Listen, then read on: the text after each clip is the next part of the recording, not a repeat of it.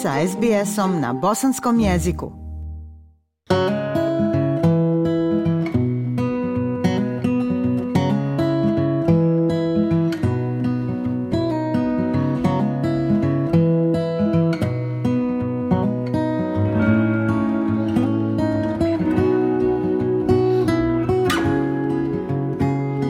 Slušate SBS program na bosanskom jeziku. Novi izvještaj o stanovanju daje mračnu sliku Australcima koji se nadaju da će kupiti kuću ili stan i otkriva da je dostupnost stambenog prostora na najgorem nivou u posljednjih 30 godina.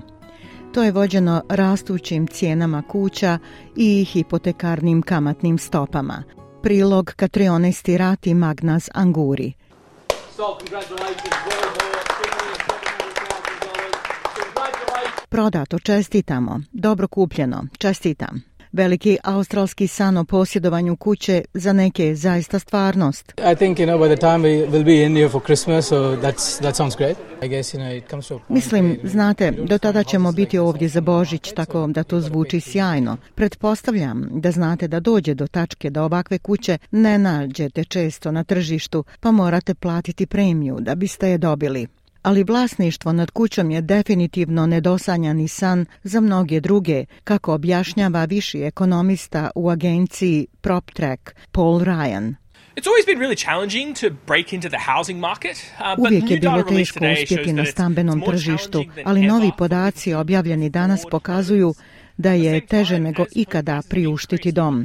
U isto vrijeme kako su cijene kuća porasle u posljednjih 30 godina, sve je teže i teže uštedjeti novac za depozit, tako da to posebno predstavlja teškoću za prve kupce kuće. PopTrack je grupa stručnjaka za procjenu vrijednosti australskog stambenog tržišta, a njihov najnoviji izvještaj pokazuje da domaćinstva koja zarađuju srednji prihod od 105.000 dolara godišnje mogu priuštiti samo 13% svih kuća prodatih širom zemlje u prošloj godini.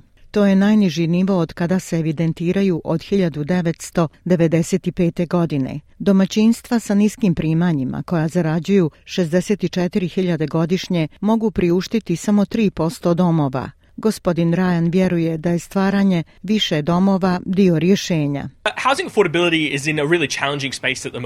Pristupačnost stambenog prostora je trenutno u zaista izazovnom prostoru, a jedna od pozitivnih strana koju smo vidjeli je fokus na stambenoj ponudi kao rješenju za pristupačnost stambenog prostora. Moramo izgraditi više domova jer je to na kraju način da u budućnosti povećamo pristupačnost stanovanja.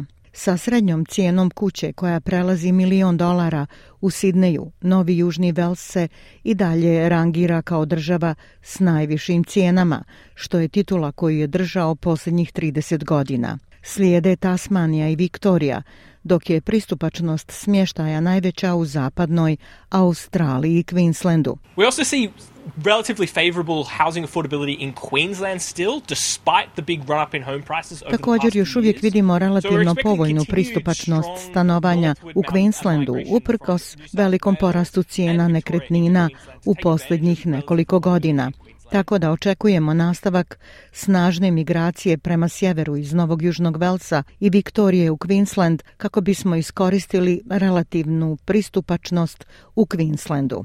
Rečeno je da je plaćanje hipoteke teže nego što je ikada bilo odmah ispod krize 1989. Stručnjaci kažu da je malo vjerovatno da će mnogi kupci prve kuće moći ući na tržište bez fokusa na stambeno zbrinjavanje i druge vladine inicijative. Ja sam Aisha Hadži Ahmetović. Ostanite uz SBS program na bosanskom jeziku. SBS na bosanskom. Podijelite naše priče preko Facebooka. Želite poslušati još ovakvih priča? Slušajte preko Apple podcasta, Google podcasta, Spotify ili kako god da primate svoje podcastove.